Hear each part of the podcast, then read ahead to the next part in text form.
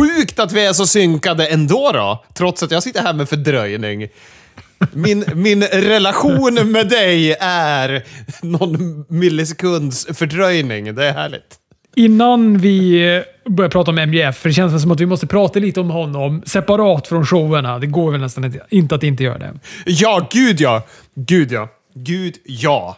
Men innan vi gör det så vill jag bara börja berätta att Hiromu Takahashi tog hem Best of Super Juniors idag för tredje året i rad. Kul. Fjärde totalt. Han är, han är den första att eh, ha vunnit den eh, fyra gånger. Jaha. Vann över El Desperado i finalen med en timebomb följt av en timebomb 2. Jaså, vad, hur var matchen då? Ja, det var toppen. Toppen, toppen, toppen. Men det är också typ en av de få. Jag har bara sett stick... Stickprov. Säger man så ens? Är det korrekt svenska att prata? Jag har Ja. bara sett små glimtar av den här uh, Best of Super Juniors. Ja. Jag skäms. Alltså det, är någon, det är som att, så här, uh, att jag har fått mindre tid med åren här nu. För förut kunde jag ändå hålla ett ganska bra tempo när det gällde Japan också. Jag, vet, jag hinner inte. Jag, vet inte jag, jag kan inte ens... Jag kan inte ens skohorna in en timma i Japan. Nej, det kanske inte är konstigt när du har tittat på fem timmar Double Nothing sen vi talade sist. Det är väl mer den här jävla sports entertainment-skiten som jag tvingas titta på. Du, nu är jag i en period där jag är väldigt, väldigt irriterad.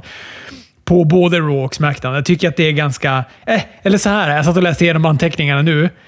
Det är ganska bra, men när jag sitter och tittar på den så sitter jag så här, äh, det här är bedrövligt. Det här är bedrövligt. Det här är fan bedrövligt, sitter jag och säger. Så det, jag vet inte vad jag har för... Jag har någon så här konstig inställning till VV just nu som känns... Eh, Ah, jag vet inte. Egentligen vill jag se tror jag, din YouTube-version. Du känns så jävla skonad där du sitter och bara behöver titta på en och en halv timme, Chris. Ja, jag är ju det. Förutom att jag missar Elias och Veer då. Men annars har jag det gött. Men ibland, alltså veckans shower, då vart jag så här eh, Va?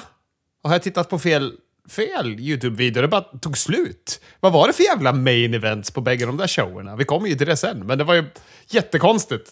Men vi tar det sen. Jag vill höra om Jake Atlas och eh, Duke Hudson innan. Ja, det här är ju lite skakigt för Jake Atlas och hans eh, kontrakt hos AEW. Nu, i, innan vi börjar med själva berättelsen så har ju vi... Jake Atlas han signade ju för AEW, så gick han ju en match och eh, såg ut att vara i toppenhumör och fan bättre än man någonsin hade varit i NXT kändes det som. ju. Han brottades också och sen så skadade han ju benet mot Adam Cole. Men då har jag tydligen signat ett sånt här typ tier 0-kontrakt, tror jag de kallar dem. Det är de som är så här paper performance, så han får ju bara betalt när han väl brottas då. Det är ju ett sånt som säkert Serpentico och Luther och de här har. Eh, men han, Jake Atlas då, han är ju tillsammans med Duke Hudson. De är ett par. Och har, nu har vet, Duke Hudson anmält Jake Atlas för eh, domestic violence. För att Jake Atlas, det är ju en soppa det här då, för de här två karlarna hade med sig en tjej hem och tydligen har Jake Atlas blivit förbannad för att Duke Hudson visade mer intresse för tjejen och då har han spöat på Duke Hudson som nu då har anmält Jake Atlas och då är ju Jake Atlas han är inte med på roster-sidan på AEW, men det är lite uppe i luften om han var det överhuvudtaget. Han ser ju vänlig ut, Jake Atlas, men han retirade väl på grund av mentala problem, har jag för mig, innan han dök upp i AEW. Ja, precis. Sen tror jag väl kanske att han... Jag vet inte hur mycket självförtroende han hade kvar där efter, efter hans stint i NXT. Det känns ju som att de eh, demolerade ju honom. Eller vad ska man säga att de gjorde? De tog ju liksom bort allt som var hela uspen med Jake Atlas. Ja, gud ja. Och det känns som att hela han... Nej men han är ju väldigt mycket att han står upp för hela hbtq-rörelsen. Han vill ju verkligen vara Oh ja. synonym med den, likt Sonja Deville vill. Ja. Men man märker även på henne att hon är väldigt avdramatiserad med det. Följer man henne på Instagram är det ju väldigt mycket sånt. Men på WWE så nämns det inte ens. Nej, synd det. De har ju fan i dagarna gått ut med en sån här WWE Together-tröja. Alltså med The Together Story i Pride-färgerna, i och med att det är Pride-vecka nu då. När vi spelar in detta. Eh, som Finn Balor stod och, och visade upp stolt. De har ju de där som ändå känns som de som vill hålla den där fanan högt. Men WWE som bolag känns ju lite som ett bolag som, vad är det man brukar kalla dem, de här som, som miljötvättar sig, greenwashar sig. Det känns som att VVE på något sätt också rainbow-washar sig genom att släppa en sån här tröja. ja, helt korrekt. De rainbow-washar sig. Men apropå Jake Atlas och NXT då, kanske vad heter det, jag ska prata lite om William Regal. Har du lyssnat på hans podcast? Han har ju släppt sin, sitt första avsnitt nu. Nej, Chris. Hur ska jag ha tid att lyssna på den podcasten också? Jag såg att Mick Foley också hade släppt någon podcast. Foley is Podd, tror jag den heter. Och det känns ju som att man har hört hela hans historia 40 000 gånger i dokumentärer. Jag har läst hans böcker, jag har lyssnat på ljudboksversionen. Vilket är roligt, för då sitter han och skrattar åt sig själv när han härmar Vince McMahon. Men ja, jag behöver inte höra Foleys historia igen.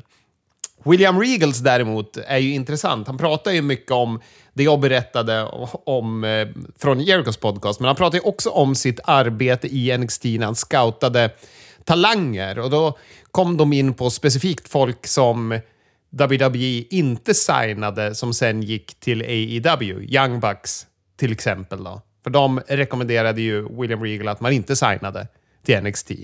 Och då berättade han att förklaringen till varför han hade gjort det, det är att han hade ju direktiv att är du under 25 får du inte signa med WWE, för då kan du inte hyra hyrbil på alla flygplatser. Det var anledningen till att de inte fick bli signad. Ja, det är en anledning god nog, tycker jag. Jajamän. Men sen berättade han även att han ville signa Adam Cole eh, typ fyra år innan de signade honom. Men Triple H sa nej. Men då berömde han också Triple H. För han menar på att Triple H ville inte signa Adam Cole, för om de skulle signat Adam Cole så skulle de fått en mycket sämre version av honom. För att han hade så otroligt mycket potential. Och kastar man in honom i att eh, formas i WWE-skolan, då kommer han bara kunna brottas det. Istället för att låta honom åka ut och ta över världen och sen komma tillbaka. Så att Triple H sa det. Och sen så sa han åt William Regal också att om han hamnar i trubbel, då tar du hand om honom. Då ger vi han pengar, då löser vi det. Men håll ett öga på honom. Så tar vi in honom när han är redo.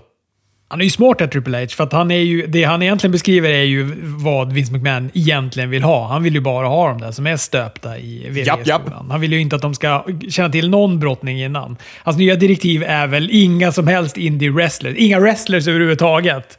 Det är bara massa jävla olympier och boxare och curlingproffs och skit som ska signas nu och bli gigantiska wrestlare istället.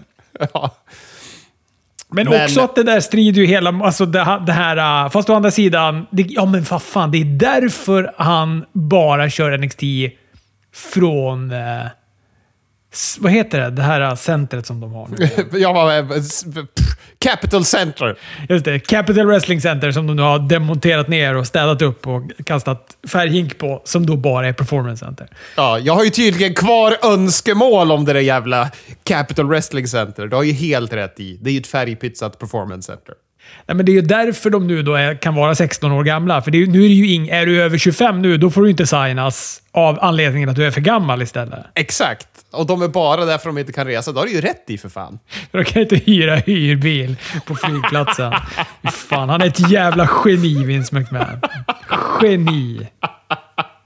Vad heter det? Men han berättade ju också, Regal, att han fick ju så här... Han sa det. Jag hade kontakt med tusen brottare ungefär under tiden jag jobbade i NXT.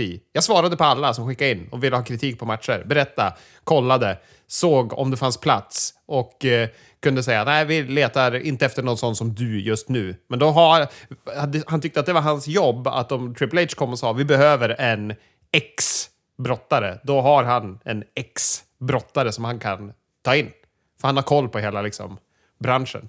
Så han var ju helt utarbetad och förstörd av det. Men den podcast som du ska prioritera, om du ska prioritera en podcast, nej, det är inte Freddie Prince Jr, utan det är när Jericho Appreciation Society pratar om hur de blev till på Jerichos podcast. Alltså, jag skrattar så mycket när de berättar om vilka namn de presenterar för Jericho. Jag ska ta hela så här scenariot. Jericho kommer på att Inner Circle har gjort sitt, men Tony Khan vill inte att de ska splittras. Nej, vi får väl ha kvar det då.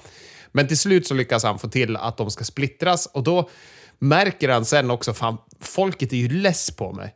De tycker ju att allt jag hittar på nu är bedrövligt. Jaha, vad kan jag göra då? Ja, men då ska jag bli heal och alla ska avguda mig. Det blir kung. Okej, okay, vilka kan jag ha med då? Och då börjar jag ju tycka att fan, 2.0 och Daniel Garcia, de är ju kung de. Men fan, Daniel Bryan vill ju ha Daniel Garcia. Hur ska jag lösa det här?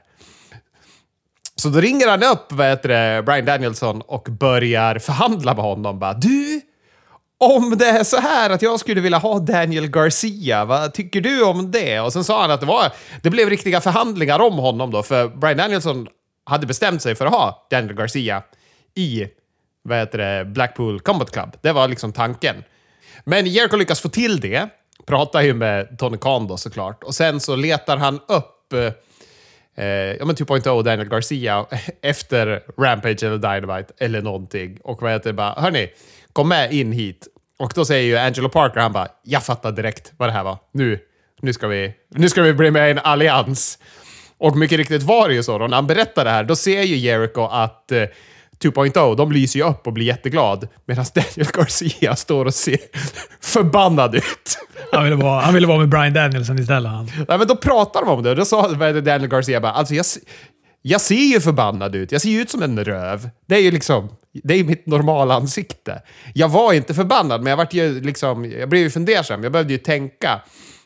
Men då sa han också att vad heter det, han var supertaggad på att vara med Brian Danielson. Det var, för han hade ju hört det här, att han pratade om han liksom i allra första intervjun och att han var ganska säker på att jag kommer nog vara i ett team med Brian Danielson. Men sen så när de började hålla på med Wheeler Utah, de pratade om Lee Moriarty, då började han känna liksom, vad fan, vadå, ska jag vara en i mängden? Det är inte lika lockande. Jag, om det hade varit jag och Brian Danielson, det hade varit stentufft. Men jag vill inte vara liksom någon ung kille med en massa andra unga killar. Nej, var en vad heter det, jobbig lakej åt Jericho. Det känns fan bra. Det kommer ju kunna göra, liksom, det kommer göra skillnad på ett annat sätt. Så han var taggad, men Jericho hade, fick ju lite panik när han frågade honom. Och då vad heter det, skulle de ju sen komma på namn, för han hatade deras namn, Jericho. Alltså typ, 2.0s namn. Vad hette de? Matt Lee och... Ja, han hette något annat. Chad någonting, va? Hette han det? Något. Ja, skitsamma. Men, fan vad heter det? Jericho bara, vadå Lee? Vi har hur många Lee som helst. Sluta med det. Lee Moriarty, Keith Lee, vad fan, vi måste ha andra namn. Och då, vad heter det? Jävla Matt Maynard heter han det du. Matt Lee. Han skickade ju en lista på så dåliga namn. Alla namn var sämst. Så Jericho bara, vad är det jag har fått? Summertime Matt skulle han heta bland annat. Det är toppennamn! jag, jag tyckte också att det var fantastiskt. Summertime Matt. Ja, men vad heter det? Och eh, sen, eh, Angelo Parker, han hade, han hade bättre namn, men han hade också bedrövliga namn. Det var jätteroligt att höra hur de här... För de hade ju också fått lite stresspåslag och skulle komma på vad de ska heta helt plötsligt. Det var bara en fantastiskt så här, gemytlig och härlig intervju att lyssna på. Och roligt att Daniel Garcia ser ut som han vill döda Jericho när han får frågan. Jag tycker de har knasiga namn. Nu, vad, fan, vad hette de på ENXT? Det var Chase Parker och Mart Martell. Eller Matt Martell var det ju. För att man tyckte det var så stökigt. Det var så stökigt att han hette Martell och så var, var de ibland tvungna att säga att han inte hade någon relation överhuvudtaget till Rick the Model Martell. Jag blev besviken varje gång de, de nämnde det. Men vad är det de heter nu? Nu är det... Matt Maynard och vad heter det, Angelo Parker heter de ju nu. Och Angelo Parker, just det. Det är så de heter. Och det är väl deras riktiga namn, är det inte det? Ja, det är typ något så här, äh, hans mammas efternamn och Angela Parkers mellannamn och så här. Så att det är någon kombination av det. Ska vi eh, ta oss igenom den här MG, MGF-soppan som uppstod då strax innan Double or Nothing gick av stapeln. Det som hände då var ju att han no-showade en var det en meet and greet eller var det någon signeringssession han skulle ha? Ja, ah, precis. Det var ju på det här fanfest de hade. AW. Saken som var dagen innan eh, Double or Nothing. Va? Och det där fick ju fart utav bara helvete. Framförallt på Twitter. Det är där saker får fart utav bara helvete. Jajamän. Det hela bottnar väl egentligen i att för ganska länge sedan så har väl MJF varit tydlig med att han vill ha mer stålar. Och Tony Khan har sagt att jag är beredd att ge dig mer stålar, men då får du också signa på ett, en, en förlängning på ditt kontrakt. Vilket känns ganska rimligt. Fast MJF vill ju inte det, för att han vill förmodligen gå till WWE när hans kontrakt har gått ut. Men han vill ändå ha mer pengar för att han menar på att han är en större stjärna än vad han var när han kreditade på det där kontraktet för AW. Vilket också är rimligt. Ja, gud ja. Gud ja. Det är, det är två sidor som har rätt i sak. MJF får ju egentligen skylla sig lite själv. Alltså, om du kritar på såna här långa kontrakt. Å andra sidan, ja, vem var han när AW startade? Då var han ju typ in, alltså, han var ju en, en som var i ropet på indiescenen, men han var ju inget household name på det sättet som han är idag. Nej, gud nej. Men om vi satt och dömde ut Sasha Banks beteende när hon faktiskt har kritat på själv, då ska vi fan döma ut MJFs beteende för att han har gjort det också. Oavsett liksom. Ja, men lite så. Och det är också här, ja, men jag fattar att det är skitfrustrerande för honom att han vet så här, ja, men WWE kommer ösa pengar på mig. Och nu sitter jag fast här i två år till med ett kontrakt där jag inte får så bra som jag borde kunna få. Han vet ju att han skulle, om det här kontraktet hade tagit slut imorgon så skulle han ju trippla sin lön förmodligen. Eller något sånt där. Ja. Ja. Och så ska man också vara tydlig med att samtidigt så missade ju även Samoa Joe den här uh, signeringssessionen. Men där var det inte folk som fick panik och började prata om att han hade bokat flygbiljetter och skulle missa Double or Nothing. För att han hade missat den. Men då var de ju snabb ute och berättade att det var en dubbelbokning. Så att det kan man ju ändå förstå att det inte blir någon panik. MJF han försvann ju från jordens yta. Det blev bekräftat från Fightful att de hade sett en fysisk biljett med MJFs namn på, men de kunde inte bekräfta vem som hade köpt den. De pratade om det där på Wrestling Observer också, där de hade känningar inom bolaget. De kunde inte säga mycket mer, men, men där fanns det ingen bokning från MJF. Nej, just det. Så att, jag vet inte fan om det fanns någon flygbiljett eller inte. Jag tror ju att absolut, alltså det, här eh, kontrakts och pengaproblemet, det, är ju, det finns ju i allra högsta grad.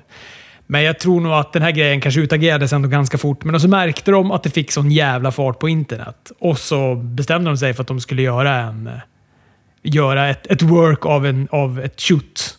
Ja, man undrar ju hur Men jag jävla... tror inte Tony Khan, alltså om det fanns en tillstymmelse till chans att MJF inte skulle dyka upp på Double or Nothing, då hade han stekt den matchen och han hade varit tydlig med det direkt. Jag har ändå det förtroendet för honom att han inte gör som alla kritiserar WWE för att de gör. Jag, jag kan inte tänka mig att han skulle vara så jävla dum. Men de tog ju bort den ett tag. Det är det som är grejen. Den försvann ju från YouTube, vad heter det, promon. Den var borta under den här eh, hela flygkaoset. Då stekte de den ju. Sen så la de tillbaka den när det började lugna ner sig och man sa att han hade vad det, surfacat igen. Ja, ja, och det var inte då för att de skulle vara VCV helt plötsligt och börja worka allihopa. Jo, så kan det ju mycket väl vara, men det är ändå intressant hela det där. Och följa, och för man kunde ju följa det i realtid ifrån Sverige när det här skedde, när det var kaoset. Sen så, vi kommer ju komma till hela hans, liksom, eh, för, för det första kommer vi komma till matchen och sen kommer vi komma till hans, eh, hans promo då, som han klippte på Dynamite. Och eh, Det finns ju mycket att säga om det också, men eh, jag vet inte om det är att jag inte gillar att jag blir lurad, eller om jag inte vet om jag blir lurad. Men jag blir så snabb på att jag tycker att det är för VCV det här och att jag tycker att det är fånigt att de håller på med det. Men jag vill också vara tydlig med att jag tycker allt MJF har gjort hittills har varit toppen. Ja, det är nästan så att vi kanske borde bryta formatet och prata om både matchen och promon redan nu och sen hoppa in på showerna kanske. Eh, det kan vi absolut göra. Jag har skrivit de här anteckningarna upp och ner. Eller alltså, alltså jag har inte skrivit dem upp och ner. Det vore helt jävla idiotiskt att göra det. Men du vet att jag har börjat skriva. Annars så skriver jag ju det i, i liksom ett korrekt flöde. Ja, ja, ja. Mina anteckningar. Så jag kan läsa uppifrån och ner. Av någon jävla anledning så har jag skrivit där nerifrån och upp. Aldrig betett mig så. Jag måste ha fått en stroke. Samtidigt som jag satt och kollade på den här jävla galan. Jag kollade ju på den live också. Jag kollade på nästan hela live. Jag kom fram till... Eh, Ja, men main eventet var det enda som jag inte tog live. Allt annat tog jag live under nattens gång. Så det, det kanske förklarar allting. Men vi kanske ska, kanske vi ska köra, vad heter det, vi pratar, för det första matchen är ju Wardlow mot MJF och sen kan vi bara flika in MJFs promo eftersom, vad heter det, jävla AEW låtsas ju som att det inte har hänt efter den har hänt. Så då kan vi lika gärna prata om den här. Ja. ja, men matchen då. Exakt. Han börjar ju då mot, mot Warlow. Det är den första matchen. De gör ju den här äh, klassiska också, att de låter introlåten gå ganska länge. För det första så kastar de ju upp den som den första matchen. Och Det är ju också smart, ifall de nu då vill hålla på och vara, anspela på att det är Ja, på allt det här som har hänt. Att man lägger den först. Och Det första de gör då, det är att de spelar hans introlåt och så tar det ju väldigt lång tid innan han kommer in. Så att man ska hinna bli lite stressad av det också. Då. Jajamän. Jag hade ju svårt att koppla bort hela det här uh, ståhejet kring MJF samtidigt som jag satt och kollade på matchen. Så jag var ju som lite störd samtidigt som jag satt och tittade på den. Men Warlow kör ju över MJF. Det är ju egentligen är det ju en squashmatch om man ska vara krass. Ja, det är ju vad heter det, kollar man rent varumärke in-ring MJF, om det hade varit liksom legitimt att han gick sån här match jämt, så är det här hans sämsta match rent för karaktären. Det är ju ett karaktärsmord i form av en wrestlingmatch. Det är en total begravning. Han blir ju powerbombad åtta, nio gånger i ringen och eh, bärs ut på en stretcher med den här jävla andningsmasken i pannan. Ja. Ja, det, det är ingen riktig... Det är ingen shoot narkosläkare inte. Den, den saken är jävligt klar. Ja, tio powerbombs åkte han på. Fem stycken först. Sen sätter han foten på hans bröst, räknar ut han. Sen gör han fem till. Sen bärs han då ut med narkosmasken på pannan. Jag känner att jag blev JR här, för att han vägrade erkänna att det var tio. Han sa att det var åtta. Så tydligen så har jag hakat på honom här, för de var ju så tydliga med att det var tio när matchen var. Vad fan, har jag blivit JR? Ja? Ja, men då, så sen så bär han bär sig ut med den här syrgasmasken konstigt och med nackkrage. Så när jag satt och tittade på det här, då var jag också stensäker på att det här var ett sätt att um, skriva bort honom ett tag. Ah, Okej, okay, nu kommer det dröja ett tag innan vi får se MJF igen. Det kändes verkligen så. Ja, verkligen. Men sen 48 timmar senare, bara, ah, ja, MJF adresserar situationen på Dynamite. Det är jättekonstigt.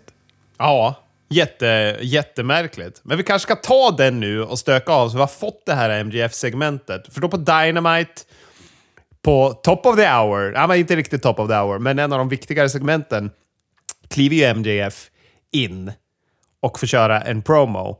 Och eh, vill man titta på en modern, superbra promo som inte är Eddie Kingston, då kan man titta på den här. ja, ja men den är bra. Jag tycker den är jätte, jättebra. Han pissar ju på Tony Khan, säger att han inte betalar han det han är värd. Eh, han vill inte vara där, så han ber ju också Tony Khan att sparka honom. Och till slut så stängs mikrofonen av och sen så...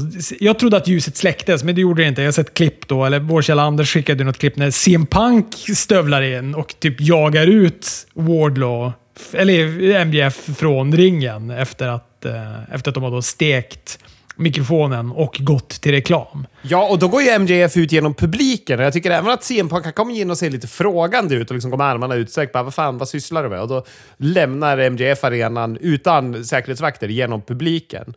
Men han säger ju även fuck i live-tv. You fucking Mark, säger han innan de kapar micken. Det kostar pengar det och svära i tv i USA. Och det kan ju kosta sponsorer också i slutändan med tanke på att de är ganska konservativa överlag. Men han pratar ju även liksom såna här svidande sanningar att jag får ingen löneökning för de pengarna behöver ju du att kasta på alla ex-WWE-brottare. Kanske jag skulle få mer lön om jag var en ex-WWE-brottare. Ja, då gick det en susning genom publiken. För det där är ju någonting som vi alla vet och vi alla också ja. känner och tänker. Ja, ja. Och Det är väl också här någonstans som den här promon vänder till att, att MJF blir superface och alla börjar ju skandera hans namn och sådana saker. Vilket jag inte vet om det riktigt var meningen. Nej, det var inte meningen. Han, han försöker ju vända dem. Alltså han börjar ju pissa på fansen, men det funkar ju inte. Nej, nej men å, återigen, han är ju jätte, jättebra här MJF. Han gör ju den här toppen. Han, han är bra, han eldar på publiken på ett bra sätt. Publiken blir svinengagerad. Han lyckas ju få med sig också varenda jävel i publiken. Men den stora frågan är ju bara vart det ska... Vad är payoffen? Ja, vad är pay... ja, men hur följer de upp det här? Vad kommer hända sen? För här börjar han ju prata om Tony Khan.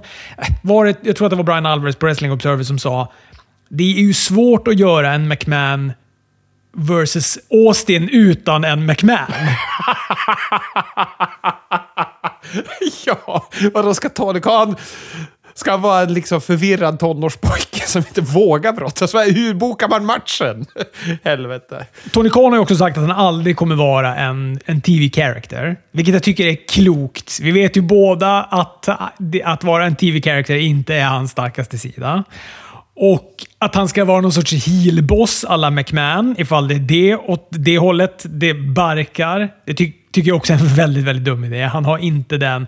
Tony Khan har inte det skimret över sig heller, att vara en heel-boss. Nej. Men om det då har att göra med att någon ska då vara hans... Alltså, vara den som står upp för Tony Khan. För det är väl det då som han har pratat om. Ja, är det då Sim Punk? Han kom in här efter det här. Kommer han då vara den, så att det blir ett program mellan, mellan MJF och CM Punk om världsmästartiteln? Ja, det känns ju superrimligt. Och det känns också rimligt att MJF tar den titeljäveln av CM Punk. Jag skrev ju det till både dig och Anders, att jag tror ju att CM Punk är en sån här mästare som nu har han fått vara mästare, så nu kan han bocka det. Han kommer nog vara den som är den kortaste mästaren i AWs historia. Jag tror inte att han kommer hålla den där titeln särskilt länge, för att han kommer bara egentligen vara en, en bräda för någon att ta klivet på upp till nästa nivå. Och MJF känns ju superrimlig som, som den. Ja, jag tror att det kommer eh, bli en dubbelturn. Nog kommer CM Punk inte kunna hållas face mot MJF heller. Inte när MJF är så on fucking fire som han är. Men jag tyckte, om man tar den här promon och börjar analysera den, så känns det ju återigen som att AEW har sniffat väldigt mycket på gamla Turner videokassetter. För det är ju väldigt likt när Ric Flair stod och vad heter det, skrek att Eric Bischoff skulle sparka honom och grejer. Det är väldigt likt den promon på många sätt, tycker jag. Jag känner inte till den bara sådär on top of my mind, men, men känns det inte som att Tony Khan han har ju jävligt bra koll på VCV. Han var väl en väldigt, ett väldigt stort VCV-fan under i princip hela VCVs tid. Oh ja! Oh ja. Så då låter väl inte det helt otroligt. Men jag tycker också det är kul. Nu kastar vi oss hejvilt igen här, för nu kommer vi efter Double or Nothing, men innan Dynamite. Men de hade ju den här presskonferensen också som jag tittade på dagen efter när jag hade sett klart om main eventet. Där det är så roligt när Tony Khan brusar upp så himla mycket för CM Punk. Det är ju någon som typ ber han att kommentera något som Jim Cornette har sagt. Någonting om att CM Punk är den största ekonomiska floppen. Eller något sånt där. Nej, det är Eric Bischoff som har sagt att CM Punk måste vara den största ekonomiska wrestlingfloppen. Och jag har nog aldrig sett Tony Khan brusa upp på det sättet som han gör där. Och Jag tycker att han är väldigt bra när han brusar upp där. Det är till och med så att CM Punk får vara såhär, ja men du, nu släpper vi det Tony Khan. Så klappar han lite på axeln, lugna ner honom. Så att Tony Khan blir såhär, ja ah, förlåt, förlåt CM Punk, förlåt, förlåt. För att han avgudar ju också CM Punk på ett jävla ohälsosamt sätt. Så att deras relation, alltså tar man liksom den grejen då och kramar ihop den till en jävla snöboll så känns det som att, ja men fan, det där kan nog ändå bli en hård jävla ispärla som någon kan sula i huvudet på eh, MJF. Och så har de en bra fade. Ja, det ska bli intressant. Men eh, nu får vi fan inte prata mer om, om eh, det här, för då blir det en podd om MJF. Så jag tycker vi backar tillbaka till pre-showen, för vi måste ju bara få prata om Hookhausen och Tony Nese och Smart Mark Sterling. ja, men det var en väldigt det var en väldigt bra pre-show-match det här. Eller bra, men det var kul var den i alla fall. Det var väldigt, väldigt kul tycker jag. Ja. Publiken är ju, framförallt är de ju så satans lyckliga av att få se Hook och Danhausen tillsammans. Japp. Nej, jag tyckte att den här matchen gjorde väl precis allt den skulle göra. Publiken var helt galna. Tony Nese fick bära heel-jobbet. Smart Mark Sterling fick ta pinnet för att Hook demolerade honom och Danhausen fick ställa foten på bröstet. Perfekt. Han hade en väldigt dålig resår, Danhausen. Alltså i midjan på byxan. Jag vet inte om du noterade det? Han fick hålla på att dra i den där brallan hela tiden. De var ju på väg ner över halva rumpan. Han hade häng. Han hade häng på sina tajta wrestlingbrallor.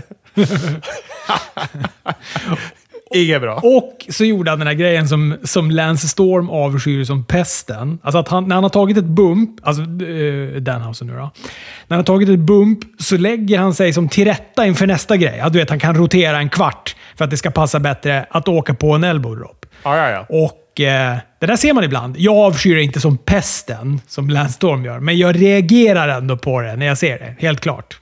Ja, det där har ju våran källa Anders varit arg på. Att Danhausen håller på att sätta sig till rätta redan när han skulle ta det här jävla knät ifrån Tony Dees när han blev demolerad. Så att eh, det kanske, kanske är lite halvkass på att hamna i position naturligt. MJF och Wardlow vi pratade om. Efter det så var det Young Bucks mot The Hardys. Det här tyckte jag också var en bra match. Hardys lite sega, men det visste vi ju redan. Eh, men tycker ändå att de hängde med bra. Och Ja, men Jeff gör ju också den här vansinniga jävla Swantom igen på ståltrappan. Den här gången är det då Matt Jackson som han landar då mitt på.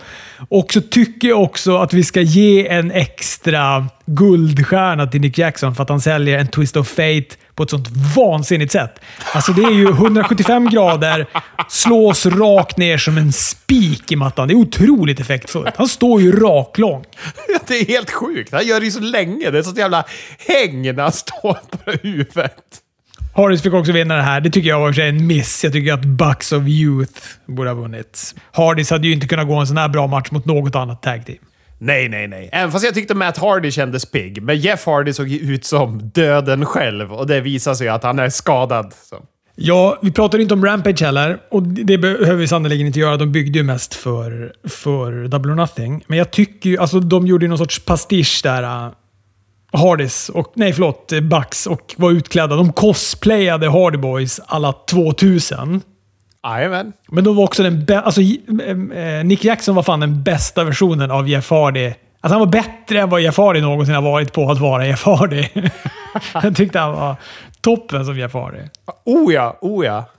Det var kul den matchen. Matt Hardy höll också på, nu kommer jag, jag skrev inte upp någonting från det här, men han gjorde en massa detaljer, eller inte, förlåt, inte Matt Hardy, utan Matt Jackson, utklädd till Matt Hardy, gjorde ju en massa detaljer som Matt Hardy har gjort genom tiderna. Så att man kände ju verkligen, för oss som har följt Hardy Boys så här länge så var det en jävla finsmakad match. Det var så mycket, mycket detaljer och referenser till matcher från hela deras karriär. Ja, bland annat så ramlade ju Matt Jackson ut över topprepet, likt Matt Hardy råkade göra när han skulle in i ringen någon gång.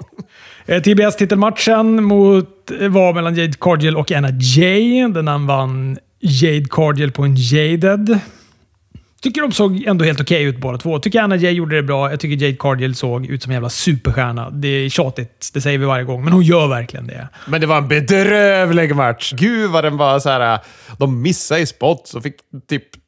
Domaren fick regissera dem hela tiden. Jag tyckte den var skitdålig, men det är jag det. Jag tycker att alltså, strukturen kan man i alla fall diskutera i den här matchen. Eller ifrågasätta. För jag, jag vet inte om de behövde ha så mycket folk som skulle komma in och springa runt. Vi fick ju två debuter efter matchen faktiskt. Vi fick ju det. Stokely Hathaway, heter han det? Bivens.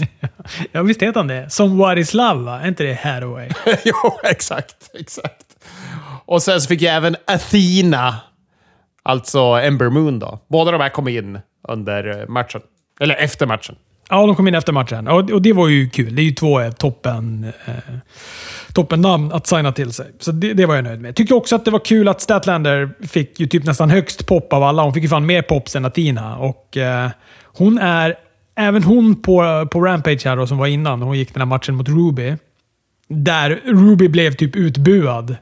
Framförallt när hon började klippa den här promo på Britt Baker. Det gillar de inte under matchen mot Statlander då var det lite såhär, ah, sipprade igenom lite små buningar här och där. Men framförallt så var det mycket jubel till Statlander. Men sen när de började klippa den här promon, då var publiken inte nöjda med Ruby Soho. nej, nej, verkligen inte. Undrar undra om Tony Khan satt och tänkte “Fuck, jag har ju bokat Rancid. Kommer publiken bua åt Rancid nu?” eh, Death Triangle mot House of Black. Här var det full fart och högt till tak. Blir ju lite stressad när man satt och tittade på kortet och så var det så 13 matcher och man bara fan, den här galan kommer hålla på i två... Den kommer hålla på i 48 timmar. Men skillnaden på AW och WWE är ju att WWE kör ju 13 minuter match, sen är det 26 minuter videopromo. Skulle de ha 13, 13 matcher, som de har på ett WrestleMania, då är det ju det är 14 timmar. Då är det ju vansinniga längder på deras galor.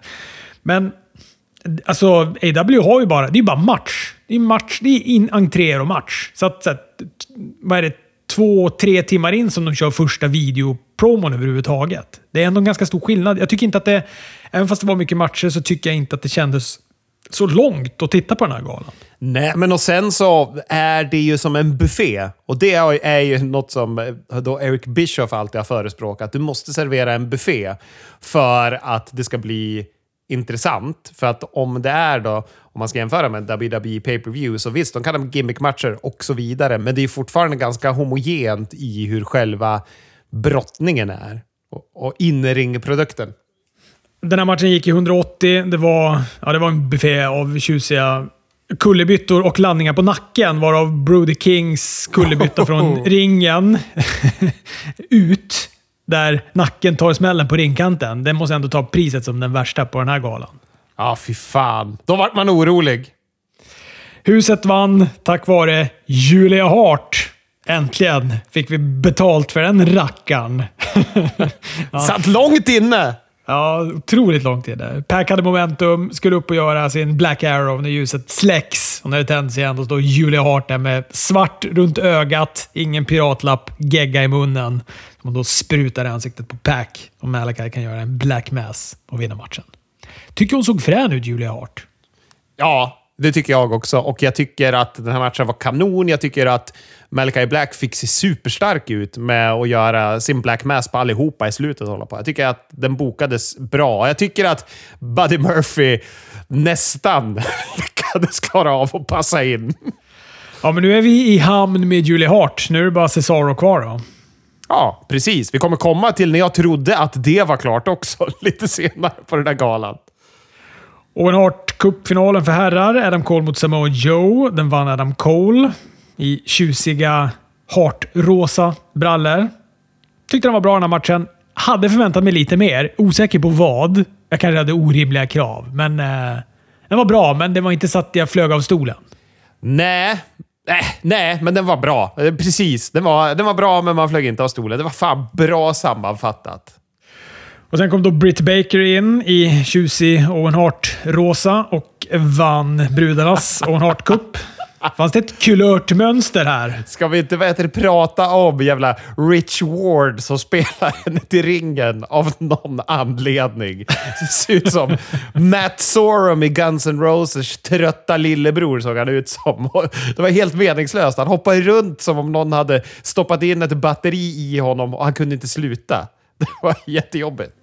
Jag lär mig aldrig vem den där tjommen är, men är det där Fossi-gitarristen eller? Ja, en gitarrist i Fossi och Stuck Mojo. Och det, jag tycker att det var så konstigt att hon skulle ha honom här, för det känns inte som att det har någon relation till hennes låt. Och sen när Ruby kommer in, då är ju Rancid där och spelar som sagt. Och de kör ju Ruby Soho och eh, det var nog smart, för publiken buade ju inte åt Ruby då när hon kom in i alla fall. För de hade fullt sjå och digga Rancid. Ja, det var lite märkligt. Men de använder den här jävla tjommen ibland. Den här alltså gitarrtjommen. ja, kan de sluta med det bara? Det är bara dumt. Ja, ja, ja men eh, som sagt då. Britt Baker vinner. Jag satt väl och tyckte att det var lite fantasilöst när hon vann. Jag tycker både jag tycker att Ruby och Statlander hade båda behövt den här vinsten mycket mer. Det hade varit en bättre skjuts i deras karriär. Men samtidigt så när de då gör hela den här grejen med Martha Hart efteråt och de står där, Adam Cole och Ruby och har rosa på sig och får, de här, får den här pokalen och de här två fula bältena så kände jag, ja, det var väl ändå kanske bra att det var Britt Baker och Adam Cole. Alltså i helhetspaketeringen i slutet så kändes det mycket mer rimligt att det skulle vara det än att det skulle vara Adam Cole som står och är småsur för att Ruby har vunnit istället för Britt Baker. Jag vill bara förtydliga att det var inte Ruby som stod där, även om Robert fick, likt JR, en brain fart ett tag. Men ja, nej, jag, jag håller med. Ja, ja. Men det Stryk så... allt jag sa och tänk Britt Baker istället. men vad heter det? Vi pratade om det här förut och jag hade ju lite på känn om att de skulle kunna göra så att de skulle bli ett power couple på något sätt. Och det är ganska enkelt att göra det med titlar som inte betyder något på något vis. Äh, det, det, här var verkligen din gala, Chris. Du hade väl tippat rätt på allting. Det var väl bara Serena Deeb-matchen som du hade fel på. Annars hade du fan full pott. Ja, jajamän! Jävlar vet du! Aldrig hänt i vår interna tippning ska ni veta, men den här gången, då jävlar. Man of the Year och Page Van Sant vann över Semi Guevara, Ty Conti och Frankie Kazarian. Jag tycker att den här var sevärd också. Jag vet att folk har varit ganska sura på den här Page Van Sant och tycker att hon borde verkligen inte ha släpats upp i ringen innan hon ens har provat eh, brottas. För det märktes ju ganska tydligt att hon inte hade koll på wrestling överhuvudtaget. Men eh, jag vet inte. Jag tycker att det var ganska... Jag, jag, vet inte om jag är en gubbe också, men jag uppskattar väldigt mycket Tai och Samis hångel-gimmick. Jag tycker den är svinkul. Alltså att de, liksom knappt, alltså de tappar tid och rum för att de blir så jävla sugna på att hångla upp varandra. Och det grövsta, mitt i allt och Frank Kazarian får panik och blir frustrerad. Ja. Och lämnar, men sen kom han tillbaka, vilket också var lite märkligt. Ja. Varför drog han inte bara där? Ja. Han var ju också typ den enda som publiken kunde hålla på hela den här matchen, för alla andra var ju heels. Ja, jättekonstigt. Och sen råkar också ta ihjäl Ty Conti med en rejäl superkick som gör att Man of the Year vinner kalaset. Men Jag tyckte det här var ganska underhållande. Men jag säger det igen, jag såg allt det här live på natten. Då är det som att hjärnan kanske inte ser med de mest kritiska synapserna påkopplade. Jag tyckte likt du att den var underhållande. Jag, jag menar, vad fan. Man får ju ta det för vad det är också. Det är lika... Jag tyckte ju att Jade Cargill-matchen var bedrövlig också, men jag har inte så stora förväntningar på Anna Jay och Jade Cargill, så att jag mådde ju inte dåligt av att det var missade spots och grejer. Det är ju annat om det, om det är, något som man förväntar sig ska vara en bra match som blir bedrövlig. Darby Allen mot Kyle O'Reilly. Kanske man hade kunnat förpassa till Dynamite eller ett main event på Rampage. Publiken var också lite sega här. Jag, vet inte, men Tony snackade väl på presskonferensen om att han eh, hade köpt en timme extra pay per view tid Ett, för att han typ ville att Martha Hart skulle få prata till punkt. Och två, för att han ville väl inte att main eventet skulle krocka med någon typ av slutspelsmatch. Då säger jag basket och eh, tar inte gift på det, att det var basket. Det var det säkert. Men det, känns, det är väl basketslutspelet som är nu, va? Jag tror att det är över nu till och med, för nu gick ju Raw upp bara mot NHL, va? Tror jag. Men jag tycker att den här matchen var ju bra, men den, var ju, den betydde ju ingenting. Men å andra sidan, det betyder ganska mycket att Kyle O'Reilly får vinna. Jag tycker att det är bra att han får en vinst över Darby Allen på ett pay-per-view. Thunder Rosa mot Serena Deeb tyckte jag också var mycket, mycket bra. Eh, De matchade varandra jätte, jättebra. Deeb och eh, Thunder Rosa. Det var också nog rätt att låta... Jag var inne på att eh, man skulle plocka bältet av Thunder Rosa, men jag tror att det var rätt att låta henne vinna den här matchen. Jag gillar Deeb jättemycket, men jag tycker inte hon behöver en titel. I alla fall inte nu. Nej, det kan du ha rätt i. Det är bara jag som hatar Thunder Rosa. Sen var det Anarchy in the Arena och det var sannoliken anarki i arenan det här. JAS, Jericho Appreciation Society, går mot Ed Kingston, Santana Ortiz, John Moxley och Brian Danielson. Det är full rulle bokstavligen över hela arenan. För mig, fem timmar in i måndagsottan, så var den här matchen perfekt. Alltså den satt som ett smäck. Jag behövde verkligen vila ögonen på någonting som inte var särskilt avancerat. Nej, men, och den var ju så intressant för att de körde ju Wild Thing om och om igen hela tiden. Tills Jericho ledsnar och slår sönder vad heter det, soundboarden på John Moxley. Men det är ju... Alltså man har ju sett mycket sådana här stökmatcher. Man har ju sett deras... eh, de här, äh, vad heter det, arena brawlsen de hade. Nu kommer jag inte ihåg vad de hette, men man har även sett hardcore-matcher som har varit ute i concession stands och så vidare tidigare. Men aldrig har jag sett när man loopar en jävla låt och publiken står och sjunger. Och det känns som att man tittar på en jävla punkklubb där det bara har gått bananas i publiken. Jericho försöker starta en permobil när han sitter fast i ett sleeper hold. Men det går ingen bra för honom. Men jag älskar också att han slog sönder den här jävla soundboarden. Så sk- skrek han ju också I hate rock'n'roll. Man bara, du spelar ju för fan i ett rockband. ja, en rock'n'roll-låt när han kommer in. Men han, han kör ju också hela tiden på att, för senare i matchen kommer ju Eddie Kingston in med bensin och ska tända eld på Jericho. Då tjatar han hela tiden om att man är en fegis om man tänder eld på andra människor. Vem gör något sånt? Och det är det han sysslar med när han är The Wizard. Så han är ju han är i sitt esse just nu, Jericho. Ja, det var fan sjukt. När Eddie Kingston kommer in med bensindunken och tycker att Chris Jericho ska klä ut sig till majbrasa. Det är fan toppen. Men det gillade inte Brian Danielson, för han, då börjar ju han och Eddie Kingston stöka med varandra. Jajamän. Då ryker de ihop och det nyttjar ju då Chris Jericho och Hager. Jericho låser upp han i en walls off samtidigt som Hager stryper Brian. Då. Så han tuppar av och Aubrey slår av matchen och eh, Jas vinner.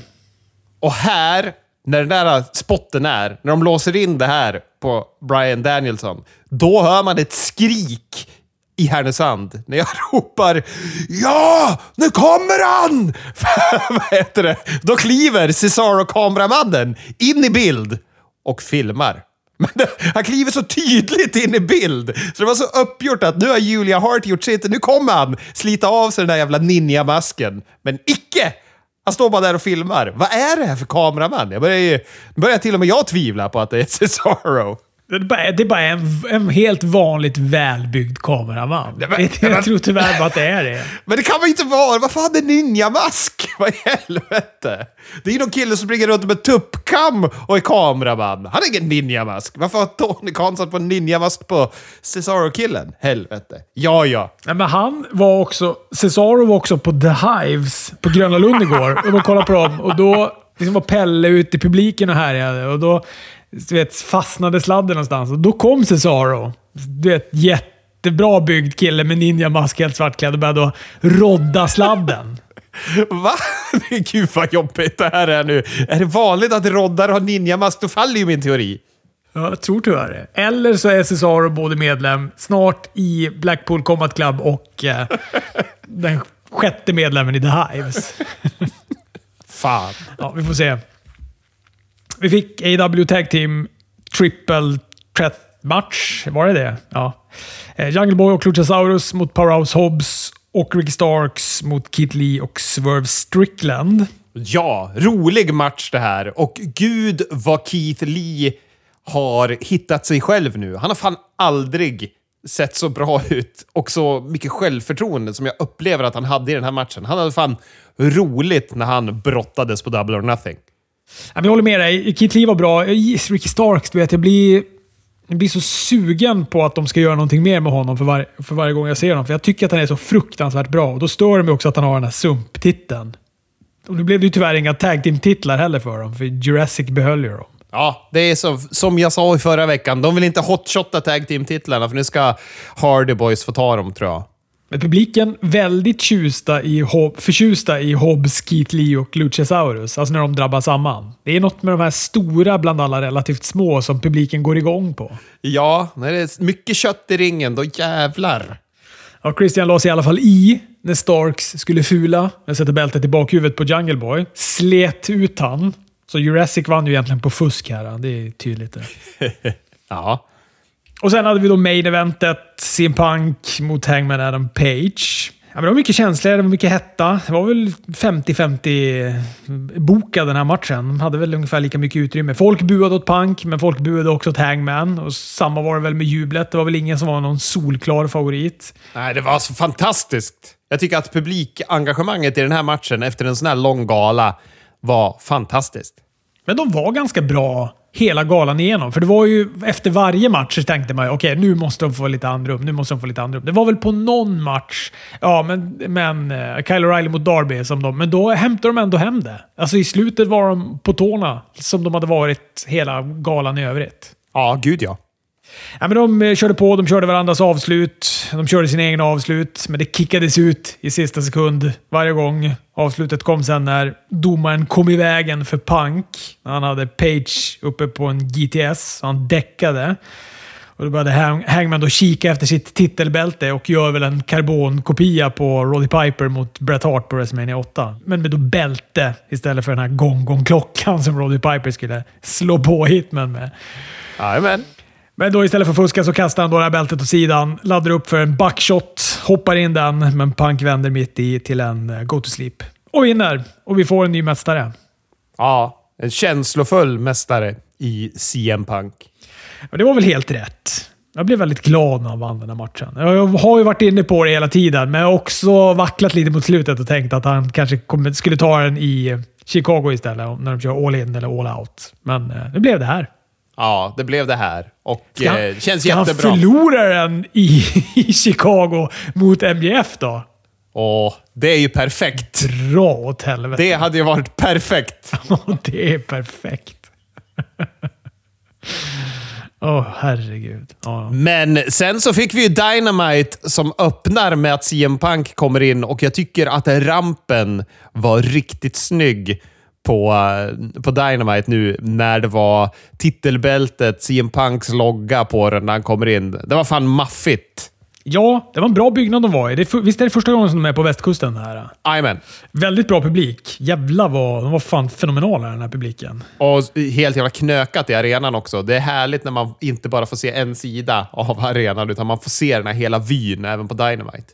Det är väl då de använder den här rampen, för de hade ju den också i 18 Dr. Ash, hette den så? Den här New York-stället. Ja. Eh, yes. Och Det är väl för att det sitter väl folk där bak också, så då kan de inte bygga på höjden. Så då kör de bara två, de här tunnlarna och så kör de all projicering på... Alltså rampen, LED-rampen är ju som en enda stor eh, eh duk, eller vad heter det? De projicerar ju eh, bild där också, på själva rampen. Exakt. Ja, jag ska inte fastna hur länge som helst och prata om den här jävla rampen. Jag känner att jag sitter fast där nu. eh, men eh, jättebra. Ja, ja, Simpang kommer in. Han är glad. Han har bältet runt midjan. Han ser någon i publiken som står med en Chicago-flagga. Då, då får han det där pillemariska i blicken och så bestämmer han sig för att göra ett stage dive. Vilket jag tror var lite dumt, för visst landade han med knät rakt på det här kravallstängslet? Han haltar ju lite sen också. Ja, det såg ut som det. Ja. ja.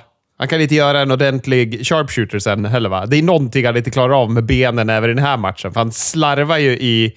Eller slarvar, han, han har ju så mycket mjölksyra i matchen mot Hangman Adam Page. Han klarar inte av att göra buckshot lariats även fast han försöker två gånger. Det är, det är ju samma problem i den här matchen, så blir han ju liksom vinglig och, och misslyckas med en del saker. Men det kan mycket väl vara det där knät som slog i också. Men publiken är ju svinglada åt eh, att se sin punk och FTR. Men de är ju nästan lika glada när Max Casters låt kommer igång och han kommer ut och börjar rappa. Oh ja. de är, du tycker ju att han är toppen alltså. Vilket Ja. jag förstår, för han är fan fenomenal. Och den här Guns och Acclaimed eh, kombinationen. Vilken topppoängare det var. Ja, det är kung! Och vad heter det, i den här matchen då, för det är ju vad heter det, FTR CM Punk mot vad heter det, Gun Club och Max Caster då, eftersom Bowens är skadad. Men jag tycker ju att Gun Club är jävligt... Alltså, de är fantastiskt duktiga för att vara så unga och så oerfarna i ringen. Och även Max Caster är bra, men jag tycker att fan, Colton Gunn, vilken stjärna han kommer bli. Det är något oerhört obehagligt över Anthony Bowens när han utbrister “Scissor me daddy” och så håller han upp de här fingrarna. Så jag kör Billy Gunn den här. Billy Gunn kör ju rullstolen och då saxa, gör den här fingersaxen ihop med Max Caster. Men det är också väldigt roligt, men det är obehagligt. Ja, det är nog meningen. Men jag, tycker att det var bra. Och som du var inne på, där, Punk missar lite grejer. Han fångar upp Colton och ska i en Fame-Asser och så ska han ju då kasta han in i Billy. Billy Gunn då, som står på ringkanten. Men han kastar lite för långt så att han hamnar mer på vristen på Billy Gunn. Billy Gunn säljer det som om han har fått han i bröstet. Vilket ser lite märkligt ut. Ja, ja. Men, men. De försökte i alla fall. Sen missade han någon flying elbow och dropkick också. Den där dropkicken är i och för sig osäker på om det var Punks fel eller ifall det var Gun-killen som stod lite fel. Ja, ja. En go to sleep till en eh, big rig. Och eh, Punk och FTR vinner matchen. Och efter så klipper han en promo, snackar om att han måste bli lite bättre på att brottas. Han gör liksom en, en, en promo av sitt slarv, vilket är snyggt. Är, han är ju så jävla snabb i de här lägena, Punk. Oh ja. Och sen så pratar han om Forbidden Door. Han säger okej, New Japan, professional wrestling. Jag vet att ni är där bak. Visa vem jag, vem jag ska möta. Och då kommer Tanahashi in och jag blir fan tårögd av lycka när jag sitter här hemma i tv-soffan. Jag tycker ju det är... Det där kommer bli en sån jävla bra match. Alltså Tanahashi är i toppform nu och går alltid bra matcher. Och CM Punk... De kommer matcha varandra jätte, jättebra tror jag. Det tror jag med. Det känns som att det är en väldigt bra första matchning mot någon från Japan för CM Punk. Ryktet säger ju att det är Okada mot Hangman också. Och eh, kan väl också bli bra. Och det, där, men det får man ju förstå är politik allt det där. De, det är klart att den, det kanske hade varit mer rimligt med mästaren mot mästaren. Okada mot Punk. Men New Japan skulle aldrig låta Okada förlora mot sin Punk. Inte då, i första pay-per-viewen och sånt där. Och Nej. samma sak vad det gäller Tony Khan. Och, och han, han, han ju inte vilja att sin Punk förlorar. Så det kommer ju vara... Många av de här bokningarna kommer ju säkert vara lite ett politiskt spel också. Tror jag. Eh, ja, såklart. Och det får vi ha respekt för. Men vi kommer få fantastiska matcher, så vi får vara glada för det. Efter MGF-promon, som vi redan har pratat om, så får vi Johnny Elite. Som är AWs nya jobber tydligen, vilket är spännande. Han har då en öppen utmaning till vem som helst i AW och det blir Miro som kommer tillbaka. Ja, och nu har han ingen nacke av sand längre. Nu är hela kroppen hel, säger han i en promo innan. Och fick en djävulsk pop faktiskt. I en promo, alltså han klipper ju en promo på Gud. Jag vet inte om han har ett upplägg med Gud. Är det hans nästa pay per view match Miro mot Gud. Man hoppas ju att Guds WWE-kontrakt har gått ut då. För att han har ju ändå mött Vince McMahon på någon pay-per-view. Ja, Miro vann den matchen, givetvis. Eh, Jas behagade också lysa med sin närvaro. Eh, var otroligt, de var otroligt nöjda över sin seger på Double or Nothing. De pratar på. In kommer Eddie Kingston som säger att han då vill slåss mot dem alla. Han ger mikrofonen till Regal som säger att han vill möta dem i Blood and Guts. Men det här är Jericho inte så sugen på, för det är fan inte sports entertainment med blood and guts. Men då kommer Ortiz bakifrån, hoppar på Jericho, tar ut honom med en biljardkula i strumpa, vilket är så jävla våldsamt. Och eh, Sen börjar han då klippa håret av Chris Jericho. Och Det här gillar han ju inte. Och Då går han ju med på en blood and guts match ifall han får en hair versus hair match mot Ortiz innan. Men det här måste ju vara, vara för att Jericho har sett att han har en liten apröv på huvudet. För han börjar ju bli extremt tunnhårig. Jag tänkte på den för första gången på Double or Nothing. Jag har inte tänkt på den innan. Ja, gud ja. Det var, han, eh, även senaste matchen han gick innan det, då tänkte jag på det också. Att bara shit, nu börjar det ju bli där. Hoppas att någon vågar säga det till honom. Men en Jericho utan hår, hur ska det bli? Ja, men då kan han ju ha peruk och grejer. Det kommer ju vara jättebra. Åh nej, perukgimmicken. Ja, ja. Ja, jag vet inte. Fan, kan de inte bara lösa det där? Varf- Folk skaffar ju nya näsor och större bröst och grejer. Kan de inte bara trycka in lite hårpluggar också? Men jag ska komma med då trollkarlsfrisyr. Fattar du inte hur gång det här kommer bli? Jag älskar också att han säger det. Att han ska, han ska, han ska, han ska spöa Ortiz, han ska klippa av håret och han ska sätta eld på honom. För att han är en trollkarl. ja. Underbart segment. Underbart. Sen var det tag, eh, 10 man tag till matchen som var som en tag, 10 man tag till match i AW kan vara. Det var kul. 180, gick i 180, 36 volter per sekund. Alla såg bra ut. Alla gjorde ett bra jobb. Till och med Matt kändes pigg. Och då hade han ju ändå den där double or nothing matchen i bagaget. Ja, jag vill säga att Hikuleo såg inte bra ut och han tog en värre nackbump än vad Brody King gjorde. Bara dök ut på huvudet först så att fan, alla kommentatorer höll ju på att få hjärtattack när det skedde. Men han såg inte bra ut i matchen överhuvudtaget. Jag tyckte inte han gjorde det sist han var och hälsade på heller. Jag är inte så imponerad av Hikuleo än. Skurkarna vinner i alla fall efter att Red, Red Dragon gjorde sin leg sweep. Flying fish hook på dinosauren och Bucks hoppar in sin Meltzer driver på Jungle Boy och vinner. Sen gick Warlow mot JD Drake. Han vann väl på en minut. Gjorde han först en close line på luften, Warlow, i den här matchen? Vad fan var det som hände i början? Där?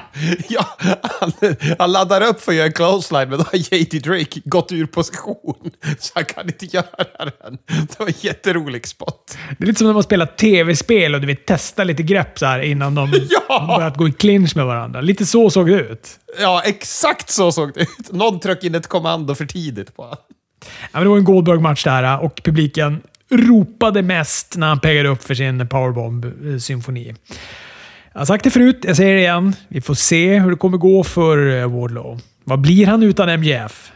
Ja, vad blir han utan MJF? Men hans nya fade verkar ju vara mot Smart Mark Sterling som kommer in här och har ju med sig den här stämningen som vi pratade om för några veckor sedan. Att de här säkerhetsvakterna har ju gått ihop i en class action-stämning på Wardlow. Men det är skit i Wardlow i och powerbombar en stackars vakt och trycker in kontrakt, eller stämningen i munnen på honom. Jag tycker lite synd om Wardlow ändå. Alltså jag menar, han, den här matchen då som han går mot MJF på Double Nothing. Den, allt rampljus hamnar ju bara på MJF i det läget. Det, är alla, det enda alla pratar om är MJF. Och hans liksom, nästa upplägg, att han går från MJF till att ha upplägg med Mark Sterling. Ja, det är ett litet nedbyte, jag håller med. Mark Sterling och säkerhetsvakterna. Det var bra att de myggade av Mark Sterling från Jade Cargill. Hon är, hon är ju en superstjärna och kan inte gå omkring med det där fånet. Då blir Malcolm Bivens mycket bättre. Eller Oh, ja. Hathaway, eller vad han heter. Stokely Hathaway. Tror vi att han heter. På presskonferensen så pratade ju Tony Khan om honom och sa det att han hade inte pratat med honom eller någonting förrän typ timmarna innan Double or Nothing. För då insåg han att hans kontrakt hade gått ut. Så då snabb, snabb kontaktade han honom och bara “Du, ska inte, börja komma, ska inte du komma till AW?” Han bara “Okej”, okay. och så gjorde han det. För han hade ju pratat om att han skulle inte... Han skulle ju inte hålla på med wrestling överhuvudtaget nu efter hans tid i NXT. Exakt. Äh, men jätteroligt. Han passar ju så jävla bra med Jade Cargill också. Det märkte man här. Ruby och Tony Storm vann över Britt Baker och Jamie Hater. En ganska bra match. Bra flyt, kändes tight. Ruby fick ta pinfall på Britt Baker också. Det var väl, var väl inte helt fel att hon fick en vinst där. Nej, det behövde hon ju verkligen, så det var ju bra. Avslutade gjorde Daniel... Gar Daniel, hör på mig. Avslutade gjorde Daniel Garcia och Moxley. Alltså Garcias, den här jävla basken han har på sig, den är otroligt ful. Den ska han behöva lägga av med. Vet du varför han har den? Nej. Det är för att Triple H brukade ha en sån och han såg så otroligt douchig ut. Så då tänkte Daniel Garcia, om det finns något som folk stör sig på, då är det en sån där jävla keps. Så därför har han den. Okej, okay, ja, jag minns när Triple H hade den. Han, han såg faktiskt för jävlig ut i den också, Triple H. ja, det är ja. svårt att bära upp den där basken. Men då hade Triple H ändå också det där långa, lockiga håret ja. som svallade utanför den. Daniel Garcia är ju som bara en liten han är som bara skinn och ben. Liksom. Han är så liten också. Men det pratade, de pratade om det på, på Jerikos podcast, de pratade om JAS där. För de det, sa Jericho det också. Men fan, ha en sån där jävla keps. De är ju sämst. Man kan inte ha en sån. Det är ju perfekt. Vi skaffar den till alla till pay per viewet Såg du Vince Vaughn i publiken? Varför såg han ut som att han var 31 år gammal? ja, men såg du att Macaulay Culkin var där? Och Freddie Prince Jr. för fan! ja, just det. Då blev du glad. Då blev jag jätte, jätteglad. Ja, men matchen var toppen. Det var mycket kamp. Box blodig som satan och Daniel Garcia fick ju fan ett ton med utrymme i den här matchen. Oh ja. Oh ja. Stor skillnad från när de möttes sist. Jericho kommer springandes mot ringen, men Eddie Kingston plockar han innan han hinner lägga sig i. Men visst håller Eddie Kingston på att göra en sån Titus O'Neill här? Ja, vi har ju pratat om AEW och deras jävla ramper och här, här är det väldigt nära Titus O'Neill. Han liksom ramlar in i Jericos ländrygg med huvudet typ. Ja, han lyckas klara Han lyckas parera det i alla fall. Eh, box med en Death Driver och ett eh, stryptag som jag i talande stund inte kommer ihåg vad det heter. Men han vinner i alla fall. Daniel Garcia tappar ut. Riktigt bra Dynamite var det. Det var fan... Det kändes superbra när jag såg det. Jag var så jävla bara, fy fan vad wrestling är bra, när jag hade sett klart det här. Ja, det var jätte, jättebra Dynamite. Och publiken var så himla bra. Och så hade man då den här Double or Nothing också i ryggen. Nej, fasen. Det är ju... Det är kul att gilla wrestling. Det är sådär att gilla sports entertainment. Smackdown var ju besynnerligt på många sätt. Framförallt så var det besynnerligt att de körde liksom en hel årsranson av tag team-matcher på, på ett Smackdown. Det var ju bara tag team-matcher på det här Smackdownet. Japp. Ja, vi fick, fick, vi fick, eh, eller vi fick fyra minuter Raquel Gonzalez mot uh, Ronda Rousey innan då Shayna Baszler och Natalia lägger sig i. Och det hela gick först till reklam och sen givetvis till en tag team-match mellan Ronda Rousey, Raquel Rodriguez mot Shayna Baszler och Natalia. Ja. Ja, de gick en helt okej okay match eh, som Raquel och Ronda vann. Fattas bara annat. Sen så eh, talade Michael Cole om att Money in the Bank den hade flyttat. För de vill ha ett intimt premium live-event istället. Snyggt där! Ja, vad ska de säga? Äh, ni köper ju inte våra biljetter hörni, så vi får flytta till något mindre helt enkelt. Los Latarios vann över Jinder Mahal och Shanky. Det här var det var speciellt. Jag vet inte vilka som är face. Det är Shanky är typ den som är face. Det här är lite Frankie Kazarian-grejen här. Alltså alla är heel utom en person. Ja.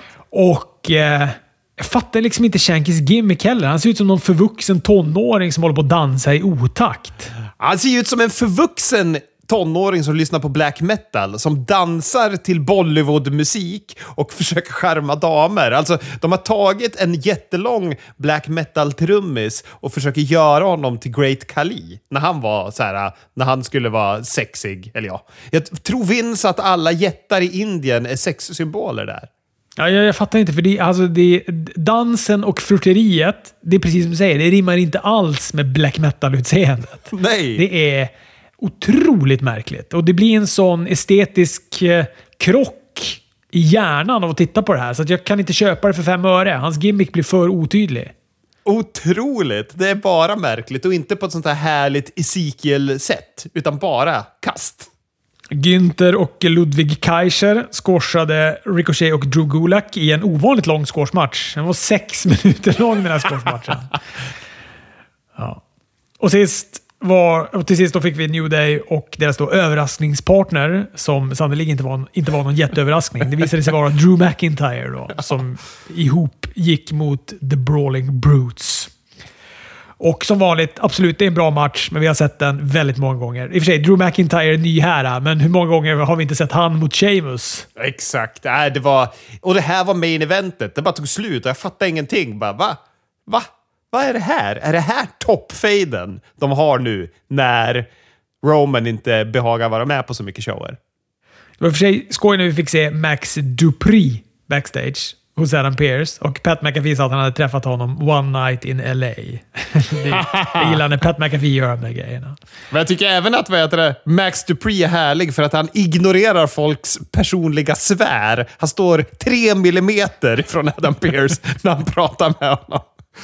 Och så kan vi också nämna eh, Kevin Owens-segmentet med eh, Sami Zayn. Det var också väldigt, väldigt bra. Att de, eh, de, är sån, de har ju sån av och på-relation de här. Nu är de ju bästa vänner igen och det är som om, de, som om det aldrig har varit någonting annat. De har aldrig fejdat eller haft någon meningsskiljaktighet eller sådär. utan de har ju varit bästa vänner hela tiden. Kramar varandra. Och Sami Zayn är ju heller inte sen att säga att Ezekiel, att det är ju självklart att man ser att Ezekiel är Elias, vilket också gör Kevin Owens ännu gladare att han liksom får medhåll för en gångs skull från någon annan. Japp. Sen så hamnar de ändå lite clinch med varandra, för då tycker ju att eh, Kevin Owens tycker att Sami Zayn borde komma med honom till Smackdown, eller till Raw, och avslöja bluffen Ezekiel. Men Sami Zayn är såhär, nej nej nej, men jag, jag är liksom Bloodlines överste kucke nu. Jag, jag vikarierar ju för Roman Reigns. Och då måste ju Kevin Owens påminna honom om att eh, Usos faktiskt lämnade honom ensam i ringen. Senast de gick en, en match där på, på Raw. Och påpekar att alla kan ju se att Ezekiel och Elias faktiskt är två skilda personer också. De blir ju väldigt ovänner om det. ja. Ja. Svänger han helt plötsligt. Ja, det är märkligt. Men det var ett kul segment i alla fall. Verkligen. Raw var... Eh, jag vill säga att det var platt och lite livlöst. Och att det är ett litet mönster jag tycker man ser. Eftersom det här var ju då sista... Det var, här var ju deras Go Home Show. Eller den riktiga Go Home Showen är ju i och för sig ikväll då när de kör Smackdown. Men, men då sista Raw innan Premium Live Event. Här vill man ju liksom att de ska gasa på. Men senaste tiden så har de ju verkligen inte alls gjort det. Utan det är som att det bara är... Ja, det är lite så här det, det, det, är ju nästan så att man måste dubbelkolla så att det verkligen är nu på söndag som det är en pay-per-view. Ja, men visst. Va, ja, det finns knappt något att säga om Raw. Vi börjar med det som var bra. Riddle och eh, Shinsuke Nakamura mot Usos. Det tyckte jag var en väldigt, väldigt bra match. Absolut. Men jag förstår heller inte om det är det här Riddle ska göra nu. Ska han bara gå en massa tag team-matcher med inte Randy Orton fram tills att Randy Orton kommer tillbaka? Det verkar ju så, men vi får se en Shinsuke Nakamura som vill wrestlas, så att jag är nöjd. Och Riddle Orton vann på något så sexigt som en diskvalifikation. Och jag antar att det låg väl någon sorts eh, dubbeltitelmatch i potten här. Men jag tror inte de annonserade något om det. Nej. Eh, och så Lee Morgan och Rhea Ripley. Eh, sista matchen på Raw. Den tyckte jag också var bra. Tio minuter lång, välbrottad match. Jättebra. Yes. Yes, absolut. Och eh, vi fick ju några nya matcher till den här Hell galan. Ja, det blev ju klart att Edge, Rhea Ripley och Damien Priest ska gå mot AJ Styles, Finn Balor och Liv Morgan. Och så fick vi också Ali mot Austin Theory, både på Raw och på Hell in a Cell. Klassisk WWE. Men först går ju Ali en kortis mot Champa, där vinnaren ska få en titel då, titelmatch mot uh, Austin Theory. Champa han fick ingen entré och ingen titelmatch heller, för Ali vinner på en diskvalifikation. Austin Theory lägger sig i. Och eh, efteråt så börjar ju Austin Theory då spöa på Ali och eh, sen säger han ah, vi kan väl lika gärna ta den här titelmatchen nu. Varför vänta med den? Och så vinner han då på en minut för att eh, ja, Ali är ju stekt. Både efter den långa, hårda matchen mot Champa, men också fått spö av Austin Theory efteråt. Men då har Vince McMahon smsat till Adam Pearce och tycker att Nej, men den här matchen skulle ändå behöva lite... Skulle behöva, ändå behöva vara en rättvis match på Hell in a Cell. Så då bokade han den ändå på stående fot. och den hamnade där istället. Ja, Ja. Tråkigt att de håller på så här så att vi ser samma saker. Noterbart också är att folk skrek CM Punk under den här matchen. Det var länge sedan man hörde det. De har varit ganska duktiga. WWE lobotomerade den senaste tiden. Inga badbollar och CM Punk-chants, men här, här pallade de inte. Nej. Ja, main eventet var en kontraktskrivning mellan Omas och Bobby Lashley. Den var ungefär lika spännande som mitt eh, tonläge. Det är jättekonstigt. Det var ju det också som gjorde att jag va, va, va, va, Är det det här jag får som main eventet när Roman inte finns? Alltså, det var så... Ja, jättesnöpligt att det tog slut med det. Man hade kunnat börja... alltså, eh, nu, ja, i och för sig, den är ju också väldigt typiskt WWE eftersom eh, Bianca Belair, Aska och Becky Lynch ska mötas på Hell in a Cell. Så ska ju alla de här då gå matcher mot varandra då innan vi får se själva matchen. Och det var ju samma sak här då. Det började ju med att eh, Becky Lynch, hon öppnade ju hela Raw med en promo. Snackade skit om Aska. Aska kom in. De pratar om Bianca Blair. Bianca Blair kommer in. Det blir traditionsenligt stök mellan alla tre fram tills det blir reklam. Och efter reklamen så blir det match. Aska mot Bianca Blair. Och den var också bra den matchen. Den borde jag kanske ha tagit med i Vi börjar med vad som var bra. Men, eh, men det gillade jag. Och den hade de kanske kunnat gå ut med istället. Istället för den här konstiga kontraktskrivningen. Ja, verkligen. Ah, vi har hållit på länge. Ska vi säga så eller? Ja, det tycker jag. Vi, vi glömmer de här sports entertainment-grejerna och fokuserar på att det var kanon-wrestling den här veckan. Hörrni, detta om detta. Vi hörs.